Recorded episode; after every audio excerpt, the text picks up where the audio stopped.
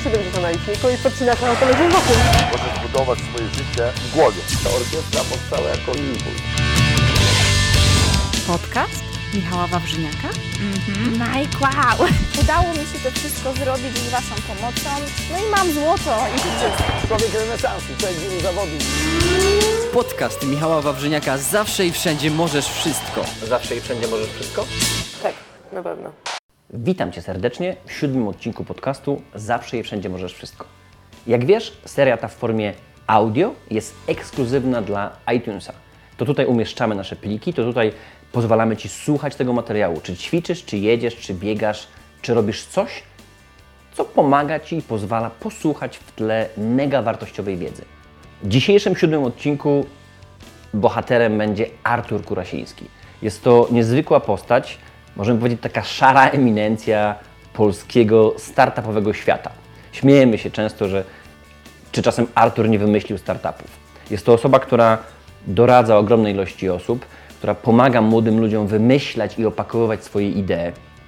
Powiemy troszkę o Auli, o tym, jaki stworzył, można powiedzieć, format, na którym spotykają się młodzi ludzie i wymieniają się doświadczeniem, na którym występują ze swoimi pomysłami.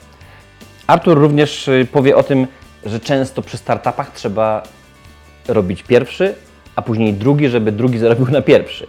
Także dowiesz się bardzo dużo i pamiętaj tylko o jednym. Słowo startup dzisiaj jest w pewnym sensie troszeczkę zarezerwowane dla młodych ludzi, którzy otwierają nowe biznesy. Dla mnie startup to nic innego jak biznes. Tylko, że dzisiejszy, tylko, że XXI wieku. Kiedyś to po prostu był sklep, kiedyś to był biznes na ulicy, kiedyś to, był, to była sprzedaż z wózka, sprzedaż z torby. Dzisiaj pięknie nazywamy i podniecamy się słowem startup. Po prostu potraktuj to jako pomysł na siebie, pomysł na, na coś, na czym chcemy zarobić i rozbudowę tego pomysłu. Także na pewno dostaniesz ogromną ilość wniosków i mam nadzieję, że dzięki dzisiejszemu odcinkowi, zawsze i wszędzie możesz wszystko, uda się zrealizować i skeszować Twoje własne pomysły. Zapraszam. Moment, w którym, którym jak gdyby zacząłem rozumieć, że e, trzeba być czasami potwornie chujowy, jeżeli chodzi o chwalenie się. W sensie, że po prostu musisz nasoczyć piórka i po prostu powiedzieć, nie, ja jestem najlepszy w branży. Tak. Nie ma innych. Proszę, pokażcie mi kogoś innego. Nie, głupi, zły, pije, ćpa, oszukuje, tak? Nie ma innej możliwości. W Polsce biznes jest, szczególnie jeżeli chodzi o usługi, bardzo ciężki, ponieważ ludzie nienawidzą płacić za usługi. To jest wiedza, która przepływa przez palce. Zapłacą Ci za beton, zapłacą Ci za część samochodową, zapłacą Ci za książkę fizyczną, ale za e-booka Ci nie zapłacą. Bo to jest coś, co jest już nie, dla nich kompletnie nieposiadające wartości. Usługi internetowe, szeroko rozumiane marketing, jakieś tam wiesz, rzeczy związane z konsultingiem, to są rzeczy, które jak człowiekowi wytłumaczysz, że on ma zapłacić Ci 20 tysięcy złotych za jakiś tam proces, i on powie, no panie, ale wie pan, no, ale co ja z tego będę miał, tak? Powiesz mu wprost, zarobisz więcej kasy. Aha, ograniczysz, nie wiem, zużycie czegoś w firmie, tak? Nie będziesz musiał zatrudnić trzech osób dodatkowych. Okej, tylko musisz mu to wytłumaczyć. To by się wydaje naturalne, że ty przychodzisz do niego, mówisz, No know-how, tak? Know-how. Boją się płacić za know-how. tak, nie lubią, nie potrafią, nie mają, bo nadal w tym naszym kapitalizmie, raczej takim buraczono-oprzennym, jesteśmy na poziomie, kupię e, taczkę czegoś tam i drożej sprzedam na południu Polski. To zainkasuję kasę, to kupię trzy taczki. Ale, tak? ale nawet z Twojej perspektywy w tym świecie intelektualno-startupowo, wiesz, internetowym, dotkomowym, widzisz to? tak, oczywiście. To nie jest tak, że, że ten świat powinien być bardziej ogarnięty, poukładany, Powinien inteligentny. Być, ale on jest złożony z ludzi, którzy wiesz co, w dużej ilości, e, w dużej, dużej masie są nowi. Znaczy oni przychodzą tam, a mają bardzo złe nawyki, albo właściwie nie mają żadnych nawyków Okej. i szybko nasiąkają No, czyli- takimi idiotyzmami. Czyli no niestety, ale potwierdza się ten tekst po prostu, że branżunia, tak? Branżunia wie lepiej, branżunia social media wie lepiej, ale sama nie ogarnia, ma na swoim fanpage'u, wiesz, Tak. 115 lajków. Wiesz, znaczy, to, to jakby że też nie demonizować. Jasne, że co, myślę, że jest podobnie jak w innych branżach. Natomiast Mhm. Szczególnie tutaj, wiesz, jest natężenie dużo ego, tak? Każdy chce być, wiesz, każdy chce być największym kogucikiem w, w kurniku. Jednocześnie innym mówiąc, że No jak, bo musi, jak są wiesz- kogudzikami, to źle. No dokładnie, więc- spierdalać się na tym nie znasz, Tak. tak. Jesteś debilem, a zobacz, wiesz, i tam, wiesz, backchannel, temu nie wyszło, temu się podwinęła Mhm. noga. E, to jest bardzo ludzkie oczywiście, to jest też niestety bardzo krzywdzące. Jak się pojedzie Generuje hejt. no generuje hejt. Jak się pojedzie do Doliny Krzemowej, się nagle okazuje, że wszystko można, każdy każdemu podaje rękę, bo tam jest zupełnie inny poziom. Wszyscy mówią, ja Ci pomogę dzisiaj, to Ty pomożesz mi jutro. I oni w to wierzą. Oczywiście. W Polsce jest inaczej. Jak nie przypierdolę znajomemu sąsiadowi dzisiaj, to on będzie za, na, za duży jutro i już po prostu go nie sięgnie moja łopata. No to wiesz, trzeba go dojechać teraz. Znam dużo przypadków, wiesz, swojej, swojego doświadczenia, z doświadczenia znajomych, gdzie ludzie, wiesz, potracili, wiesz, głowę na poziomie 10 tysięcy złotych, w sensie, że zaczęli po prostu wariować w momencie, kiedy okazało się, że stawka jest 10 tysięcy złotych. Nie 100 tysięcy, nie milion, 10 tysięcy złotych, ale realne, do wyjęcia już, tak? Na zasadzie przychodzi ktoś, mówi, chcę kupić Twój serwis internetowy wspaniały, tak? Dwumiesięczny. Ktoś mówi, ile zajesz 20 tysięcy, czyli dla dwóch to jest po 20 tysięcy, po 10 tysięcy, a na co? jednego to jest 20. I co? i- No i zajebowują sobie interes. No wiesz, biznesy życia Ale sprzedają czy nie? Robią blokują tak, że się? druga osoba, która jest w tym biznesie partnerem, nic z tego nie otrzymuje. Aha, czyli oszukują się, tak? No, Poważnie? do kon- Przy takich tak. pieniądzach, tak? przy takich pieniądzach. Więc jeżeli mówimy o biznesie, który ma być na lata, na 5-10 lat, co powiedziałeś, dlatego bardzo często jest najtrudniej znaleźć partnera, który będzie z tobie, wiesz, był twoją drugą połówką, tak? Osobą, Mhm. która rozumie cię bez słów, która będzie w stanie z tobą pójść za rękę. Ty nie możesz mu scedować jemu czy jej, wiesz, dużo rzeczy, ale ty będziesz osobą, która powie, okej, to już jest zrobione, ja już nie muszę się tym przejmować. Pre do jednego, jak gdyby takiego prostego elementu. Jak najwięcej ludzi wysłać za granicę, Mhm. po prostu się, wiesz, wypieprzać ich z tej Polski, część z nich nie wróci, trudno, koszta Mhm. muszą jakiś być, co- collateral damage. Ci, którzy wrócą, powiedzą zaraz, zaraz, zaraz. Psy nie muszą stać na trawę, bo można to sprzątać. Tak. Poczta może być otwarta o takiej godzinie, urzędnik może być miły, a właściwie to ja mogę płacić podatki i wymagać, tak? A właściwie, a też polityk to musi być moim kumplem, a nie, wiesz, jakimś idiotą, który wygaduje bzdury. Niech oni się uczą tego, bo w Polsce tego nie ma. Niestety nadal jesteśmy mentalnym zaściankiem. Na wielu poziomach super to wygląda, Unia, bo kostka położona, wiesz, bauma, ale jak potem się sięga, wiesz, te innowacje się nie biorą z powietrza, tak? San Francisco to jest po prostu mekka hipisów, tak? Również ludzi o orientacjach seksualnych innych niż normalne.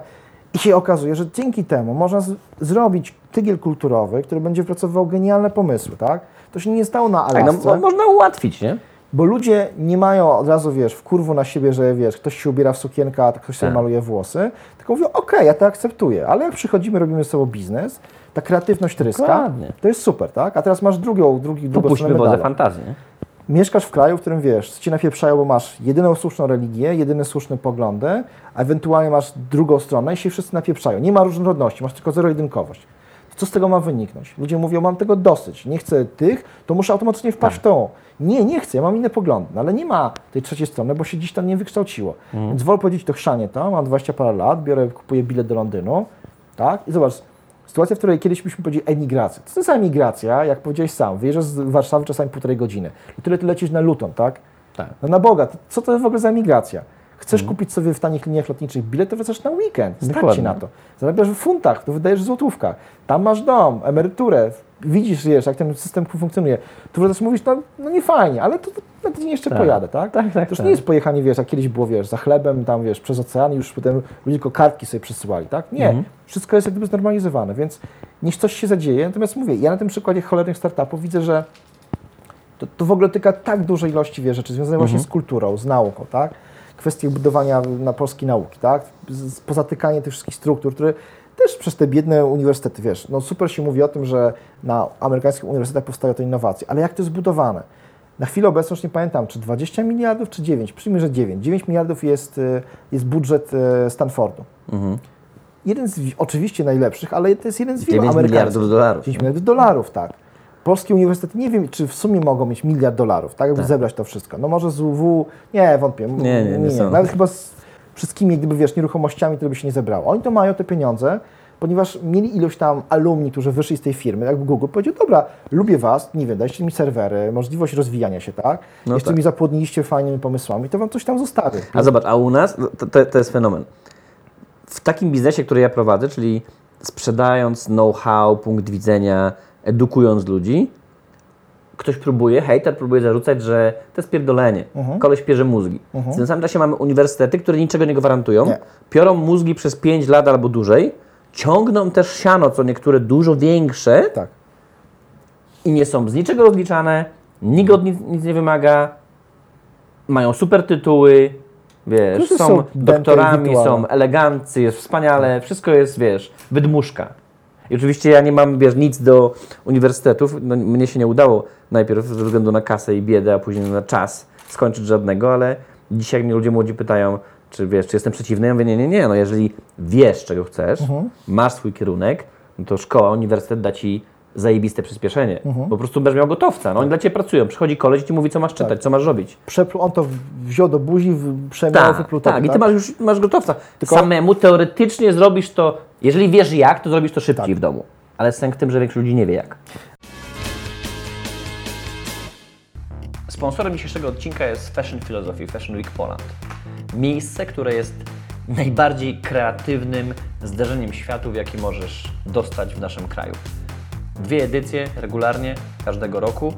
Łódź, przepiękne miasto, przepiękny czas, w którym rzeczywiście możesz zobaczyć genialnych, kreatywnych ludzi, którzy swoje marzenia i swoje wizje urzeczywistniają dzięki temu, że Fashion Philosophy, Fashion Week Poland udostępnia platformę, na której młodzi, utalentowani ludzie mogą się pokazywać. Koniecznie pojawcie się na jednej z edycji, a później zobaczycie, złapiecie bakcyla jak i my i będziecie na każdej. Sponsorem tego odcinka jest Fashion Philosophy, Fashion Week Poland. W Twoim przypadku to co, wszystko się zaczęło od Auli? Czyli Ciebie interesowały startupy i zacząłeś zapraszać ludzi, żeby o nich mówili? Nie, wiesz co, w moim wypadku to była sytuacja jak zwykle e, taka dosyć dziwna, to znaczy e, ja poszedłem mm, pracować podczas studiów, e, od pierwszego roku już pracowałem, szukałem pracy. Chciałem- Jakie to lata były? To było, wiesz co, no, jestem rocznik 7.4, w roku 2000 kończyłem już studia, czyli 95 zacząłem. Czyli 47 lat masz, tak? Teraz. cztery dychy na, na, na karku. I na pierwszym roku studiów myślałem, że będę robił komiksy, że będę się bawił w rzeczy graficzne, że byłem właśnie bardziej w tą stronę. Nie miałem specjalnie talentu do rysowania jakiego takiego, coś tam potrafię zrobić, no aczkolwiek widziałem swoje, że nie jestem tego typu osoba jak moi koledzy, którzy po prostu usiadą, namalują co chcą. Ja musiałem się bardzo tego gwałtownie, znaczy nabierać, dużo szkolić, dużo gdyby przyjmować nowych, nowych e, mm, metod rysowania, żeby być w połowie tak dobry jak oni. Myślałem o zdawaniu na SP, ale gdzieś tam to się rozeszło i e, zacząłem pracować w takiej malutkiej agencji, która była jedną z wielu agencji, która głównie składała ulotki. No I tam poznałem e, chłopaka, który powiedział, że wiesz co, jest coś takiego jak internet, może pogramy i tu mam dwa komputery, one są sieciowane i tam pograliśmy jakiegoś właśnie Duma. Więc to jakby pierwszy taki był kontakt, gra, po czym, że ten internet, ja tam mogę coś zrobić, jakąś stronę Lata otworzyć. 90? Tak, lata 95? 90. Wiesz co? I wcześniej jeszcze pamiętam takie rozmowy z kumplami typu ktoś pojechał na jakąś, e, na jakąś no może nie placówkę, to raczej był jakiś wyjazd, typu teraz byśmy powiedzieli, że na grant. Pojechał do Szwajcarii, trafił do CERN-u. No i w tym CERNie mówi, że właśnie coś takiego jest jak www. I te www to będzie jakieś bardzo duże i to w ogóle na tym biznes można robić. Ale to był taki moment w moim życiu, że ja po, pojęcie biznes rozumiałem na zasadzie, no jakaś firma, która coś robi i to kompletnie nie będzie moja bajka. Ja, okej, muszę zrobić pieniądze na wakacje, ale tam pójdę, posprzątam coś, pomogę Czyli co, komuś. bardziej artystyczny klimat taki miałeś? Taki wiesz co, tak ba bardziej mnie w tą stronę ciągnęło, tak? Znaczy nie myślałem o sobie jako o przedsiębiorcy, jak, jak teraz przez siebie, jak, jak siebie teraz definiuję, tylko o sobie, która i miała się różnego typu Bo zajęć. na SP w końcu nie poszedłeś, tak? Nie, nie poszedłem, Ale nie, przed nie. ESP jaką No, szkołę? wiesz co robiłem? Nie, byłem normalnie po, po liceum Okej. e, zwykłym. Nie, nie, A, czyli po prostu tam w liceum sobie rysowałeś, tak? Dokładnie tak. Jeśli miałem takie ciągoty, graffiti, robienie tego typu rzeczy, ewidentnie jakaś taka ekspresja mm, artystyczna, bym teraz to, to powiedział. I w kolejnej pracy nadal robiłem rzeczy związane, bawiłem się web design, no bo wtedy to było takie modne, wszyscy to robili, no więc ja projektowałem stronę internetową, stronę właśnie czysto wizualną. Za cholerę nie umiałem kodować, HTML nawet taki czysty nie, CSS, jakieś JavaScripty nigdy w życiu, ale znam ludzi, którzy to robili. W związku z tym próbowałem robić tak, że dobierałem sobie do parę kogoś, kto Ty to robiłeś robi. część, Ja robiłem część graficzną i to wrzucałem. No i w pewnym momencie dos, dos, spotkałem się z kumplem, z Wojtkiem Chojnackim, który powiedział, że on się już nudzi, bo to coś wykonał i by chętnie zrobił coś na swoje, na swoje, gdyby na swój rachunek. Ja mówię, ale co masz na myśli w ogóle? Bo w ogóle kompletnie żadnych zero blogów, prasy, jakichś tam biznesowych książek. Jakie to lata były? Jest co? 90, 98, 90, 99, więc y, no prapoczątki, tak? Wtedy, kiedy jeszcze ludzie, kiedy słuchali o Google, to mówili, co to jest. Nikt jeszcze nie wiedział, tak naprawdę to nie było tak bardzo rozpowszechnione. I Wojtek powiedział, że ma pomysł na to, właściwie taki stwierdzenie faktu, że ludzie szukają muzyki w sieci, e, ale nie było żadnych serwisów, żadnych serwisów streamingowych, niczego innego. Ludzie nie mieli w ogóle telefon e, komórkowy jeszcze nie istniało. Rozpoczęto to był jeszcze czas, kiedy duże telefony, Centertel, tam za jakieś pół, parę miliony złotych były kupowane. I on mówi, że jest taka metoda, że on stworzy takiego bota, który będzie chodził przez otwarte z e, e, FTP i sprawdzał, co jakie są pliki muzyczne, potem je indeksował i tworzy taki serwis, gdzie ludzie mogą sobie wejść, zobaczyć na przykład chcę posłuchać nowej Shakiry, czy te ówcześnie co tam było, nie wiem, Michaela Jacksona, to na tym, serwi- tym, tym te serwerze FTP mogę wejść, ściągnąć ten plik, czyli nielegalnie, Czyli piractwo, no. piractwo. I myśmy, ja się śmieję, że trochę wyprzedziliśmy Napstera w tym sensie, że nie wiedzieliśmy, że Napster funkcjonuje. Oczywiście krąg osób wiedzących o tym, że muzyka może pobierać takich, a nie innych serwisów by, by, były jakieś, ale myśmy do nich nie należeli. Słuchaj, w ciągu tam dwóch czy trzech miesięcy ten serwis się rozrósł jakichś monstrualnych rozmiarów. Kilkaset tysięcy użytkowników co miesiąc wchodziło, zażynali nam te serwery. Myśmy nie wiedzieli w ogóle, co z tym zrobić. Kompletnie nie mieliśmy pojęcia, jak to w ogóle zmonetyzować. No i ktoś tam szepnął kumplowi kumpla, który powiedział, słuchajcie, to ja wam to sfinansuję, wziął ten serwer, zaniósł go do jakiejś tam dużej serwerowni, który zapłacił jakieś kolosalne pieniądze. No i usiedliśmy, powiedzieliśmy, dobre, są trzy osoby w tym dealu, czas, żebyśmy zrobili z tego spółkę. Więc ja mówię, ale po co ta spółka, która nie, nie zrobiła w ogóle jeszcze nic? Spoko, spoko, zróbmy tą spółkę. Okazało się, że jeszcze się jedna osoba pojawiła, Faster pracował w agencji sieciowej, dużej agencji, e, agencji e, e, reklamowej. I powiedział, że on się, on się zajmie kwestiami, nazwijmy to takimi reklamowo-marketingowymi. Wojtek będzie zajmował się kwestiami szeroko rozumianymi informatycznymi, czyli jakbyśmy powiedzieli na chwilę obecną będzie dział departamentu PR marketing, on będzie CTO, taki klasyczny, techniczny. Chłopak, który nam na początku pomagał, Witek Szuk, to był nasz prezes, facet, który się zna na organizacji, na robieniu rzeczy, a ja byłem taki trochę wolnym elektronem. Trochę artystyczny, trochę web design, trochę powiedzenie e, ludziom, którzy pracowali, że mają zmienić to i to. Z perspektywy dzisiejszych czasów już wiemy, że Twoja pozycja była najłatwiejsza do strzelenia. Tak, do ostrzelenia, ale też y, jak gdyby nie czułem się, że jestem dziś jak gdyby konkretnie potrzebny, bo nie umiałem kodować, nie miałem też skillów zarządzających, nie, nie znałem się na kodeksie spółek handlowych, nic takiego, a ani też nie umiałem, wiesz, robić w dużym biznesie pod tytułem to pan przygotuje mi kampanię reklamową, tak? W związku z tym trochę byłem taki najmniej. I, przy, i to wyglądało następująco. Dwa tygodnie po tym, jak stwierdziliśmy, że zakładamy SPZO, kosztował oczywiście majątek, bo wtedy zdaje się, że trzeba było zapłacić 10 tysięcy złotych, oczywiście nie trzeba było, ale do, do, zgłosić do KRS-u i tak dalej. Założyliśmy to i kumpel dzwoni, mówi, że taka firma się do niego odezwała, Procom. I oni by chcieli z nami pogadać. Ale to, zanim to nastąpi, to musimy przejść przez taki due diligence, kolejne słowo, którego nie rozumieliśmy, i to przeprowadzi jedna z takich firm, to się nazywa Arthur Anderson. Wiesz, spółka utworzona dwa tygodnie wcześniej jest badana przez jedną z największych Tak, firm tak, konsultingowych na świecie. I myśmy poszli, faktycznie, weszliśmy do Artura Andersena, e, usiedliśmy przy stołach, pojawił się pan, a właściwie trzech takich różnych panów i oni powiedzieli, że potrzebują naszych papierów, wszystkiego. Śmieszne było tyle, że mieliśmy w firmie dokładnie jedną rzecz kupioną na spółkę, to był taki, obecnie się nazywa urządzenie wielofunkcyjne, tak, jakieś ciężkie również wtedy pieniądze.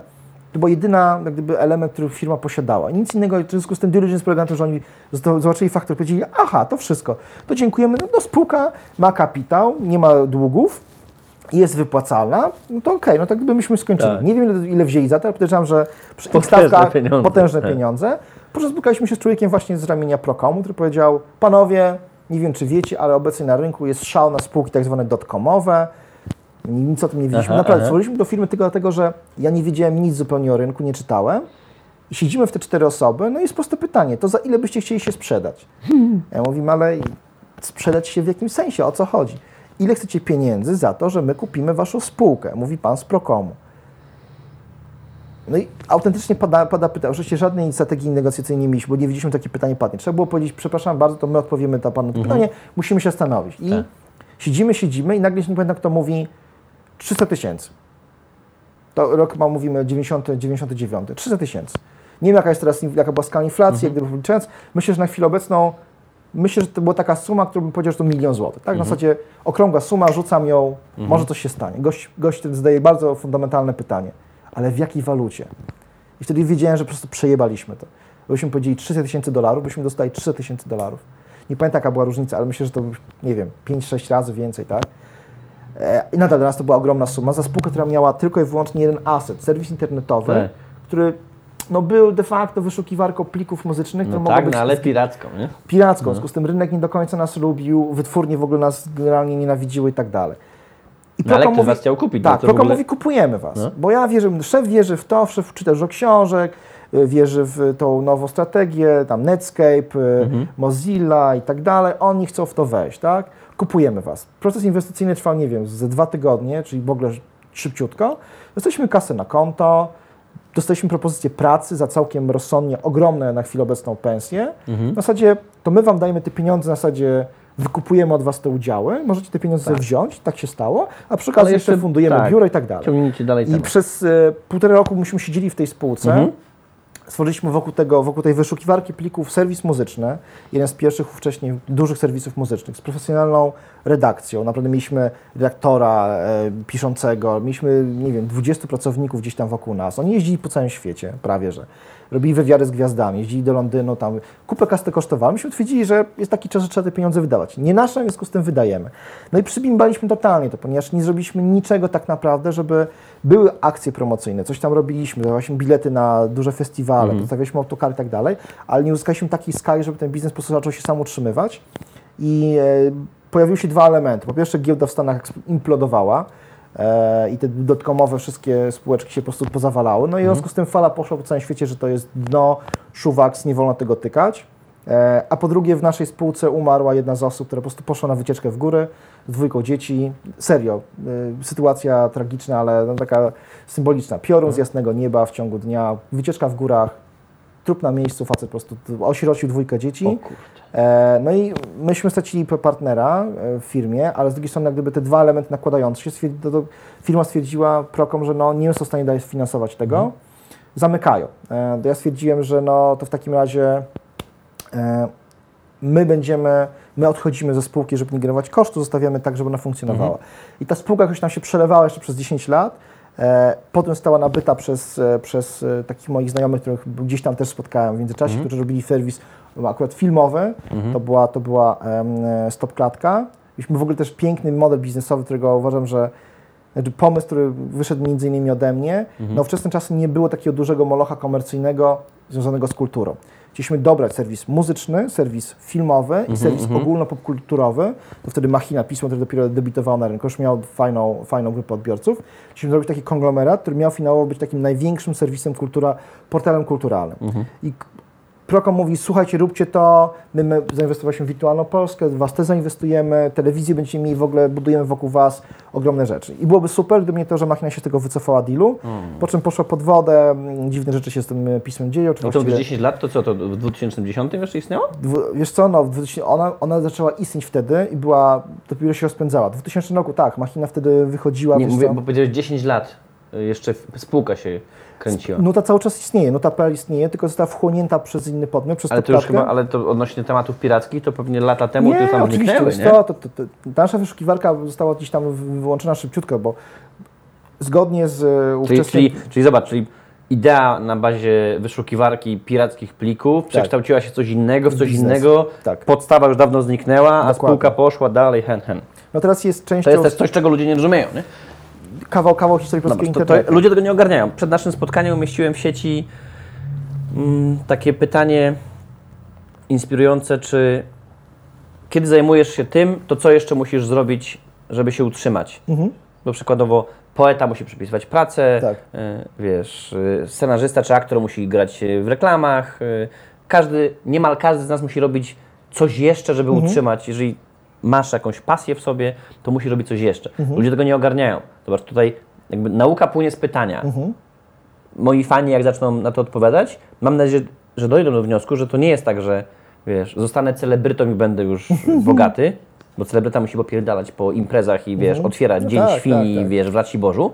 E, A z kolei programista, to nie jest tak, że on sobie będzie programował 12 godzin i mu będą postawiali drinki, tylko musi czasami po prostu, nie wiem, serwery obsługiwać, Mhm. no, czyścić. I w wielu wypadkach tak jest, że dwie albo trzy prace dopiero ci, wiesz, składają się na jakiś budżet, Tak, a dokładnie. masz taką swoją Dokładnie, wizję, że ta właściwa to jest zupełnie inna, ta, która prawdopodobnie najmniej ci przynosi kasę teraz, I ale zobacz, dokładnie tak samo to widać przy ideach biznesowych. Zaczynamy od A i w ogóle kończymy na Z. Ludzie tego w ogóle nie ogarniają, nie? Budujemy hotel, budujemy galerię handlową, to się spłaci za 20 lat. Mhm. Ale jak za 20 lat? No za 20 lat, no. Po prostu ktoś miał kasę, jak ta kasa miała lewy, to zainwestował. Albo wiesz, 100 milionów obrotu mamy i 2 miliony zysku. Mhm. No to ktoś musi mówić 2 miliony zysku, to jest zajebista kasa, ale nie ogarnia tego, że to jest 2%. Mhm. 2% od obrotu.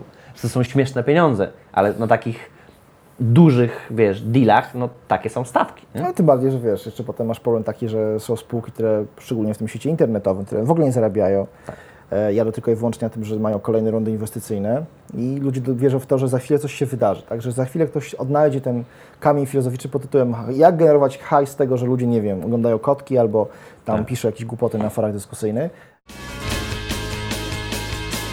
Dzisiaj Artur Korasiński znany jest z czego? Jeszcze nie wiem, czy ja mam tyle Jak masy, ktoś, że... jak ktoś poznaje, wiesz, kuracha w sieci, no to od czego jest kurach? Myślę, wszystkim od startupu. Od wiesz, To startupu. jest taki bardzo wytarty, wiesz, ludzie mnie kojarzą takiego faceta, który Bo co? może się... Kiedy, kiedy zacząłeś prowadzić aulę? Jako Wiesz co, takie Aula spotkania? w 2007. To nie ja, tylko była inicjatywa wspólna. Mhm. Krzysiek Kowalczyk powiedział, że coś takiego słyszał, że się spotykają ludzie z takiej... W 2007 to, branży- to dwa lata po tym, jak... y, Bo w 2005 powiedziałeś, że już z tej agencji Tak. powiedziałeś enough. Wtedy się gdyby, wiesz, zacząłem zajmować swoimi rzeczami Mhm. i koncentrować tylko na tych rzeczach, które uważałem, że dadzą mi jakiegoś kopa, oczywiście finansowego przede wszystkim. Chciałem mieć coś, wiesz, swojego jak poletko. Ale Aula była kompletnie, wiesz, pomysłem typu, to nie się ktoś spotyka ze sobą i tyle. To nie było żadnego, wiesz, takiego Mhm. Czyli co, taki backgroundu. bardziej networking miał być? Tak, networking. I nawet bez żadnego biznesowego zaplecza, bez niczego. Dopiero teraz się to, wiesz, wytwarza powoli, że ja mam koło siebie kilka które mówią, Panie Arturze, chcemy być wokół Auli, bo na przykład daje nam to plusy, że możemy rekrutować fajne osoby, tak?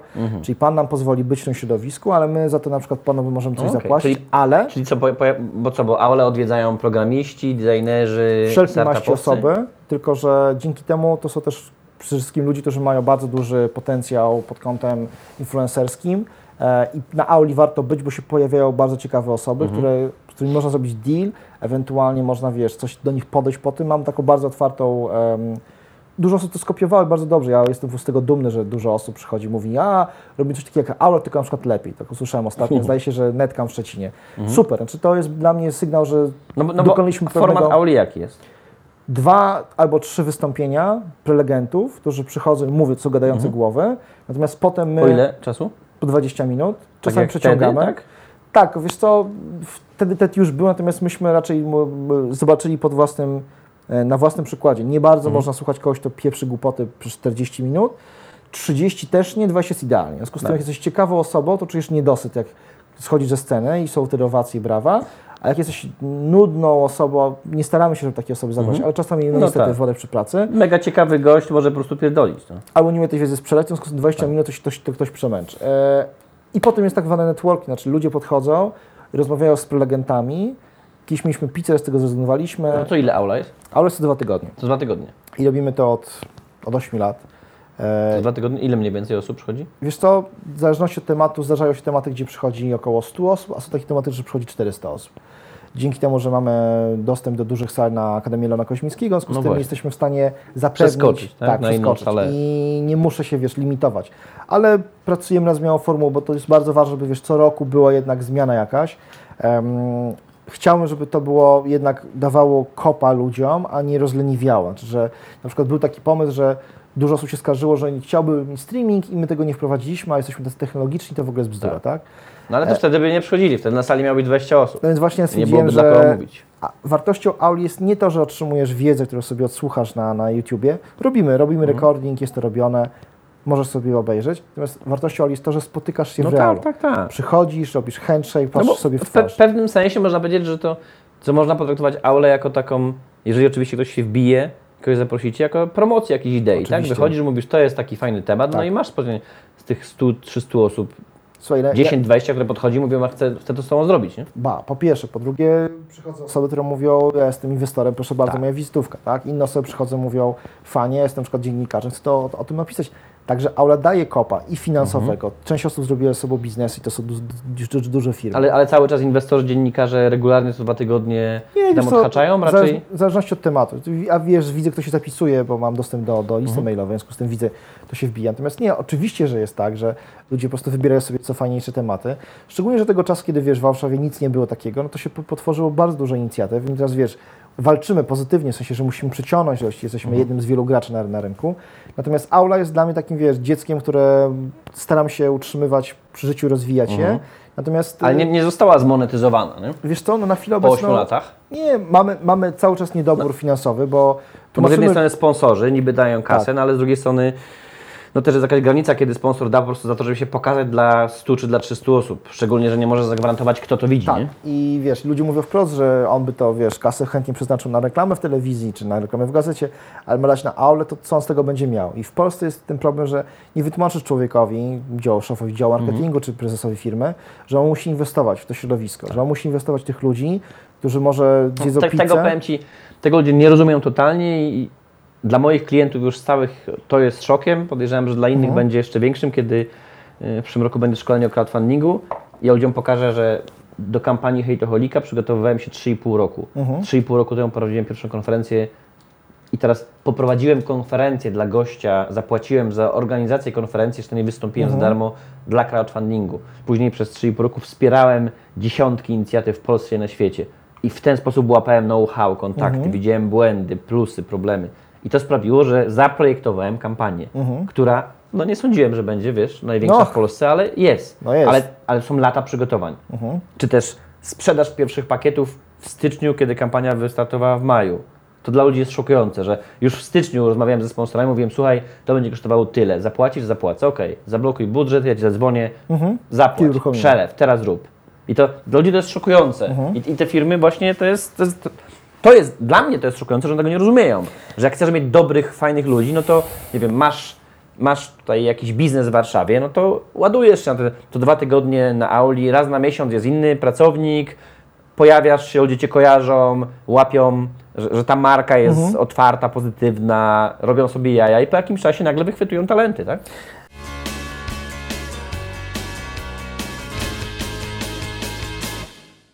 Wywiad Artura trwał około dwóch godzin. Specjalnie na YouTube'a, jeżeli chodzi o wideo i na iTunesa, jeżeli chodzi o audio, ładujemy mega skondensowane paczki, około 25-30 minut. Jeżeli masz jednak ochotę obejrzeć takie niecenzurowane, edytorskie wersje, reżyserskie wersje, to zapraszamy Cię do naszej grupy Mentaloyandia Membership. Potrzebujesz mieć kartę MMC i wtedy, no, jest to logiczne, że masz ochotę oglądać więcej, chcesz wycisnąć więcej z tej wiedzy, wtedy dla Ciebie czeka materiał o dwu, trzykrotnie, czasami czterokrotnie dłuższej, większej ilości niż na YouTubie. Za nami 7 odcinków. Mam nadzieję, że wszystkie dokładnie przesłuchane. Mam nadzieję, że ze wszystkich masz ogromną ilość wniosków i notatek. Koniecznie przejdź na stronę podcastu na iTunesa i koniecznie zostaw nam 5 gwiazdek i swój własny komentarz. Na pewno to pomoże nam dotrzeć do wielu innych osób. Co ciekawe, już w pierwszym miesiącu nasz podcast był w top 10, a później w top 3 wszystkich podcastów iTunesa. A więc dziękujemy Ci bardzo. To właśnie Twoje komentarze, Twoje gwiazdki pomagają nam ewidentnie wzbijać się do góry, a ja mam nadzieję, że moi goście, moja wiedza pomaga Tobie wzbijać się na wyżyny Twoich umiejętności i możliwości. Pozdrawiam serdecznie, Michał Wawrzyniak.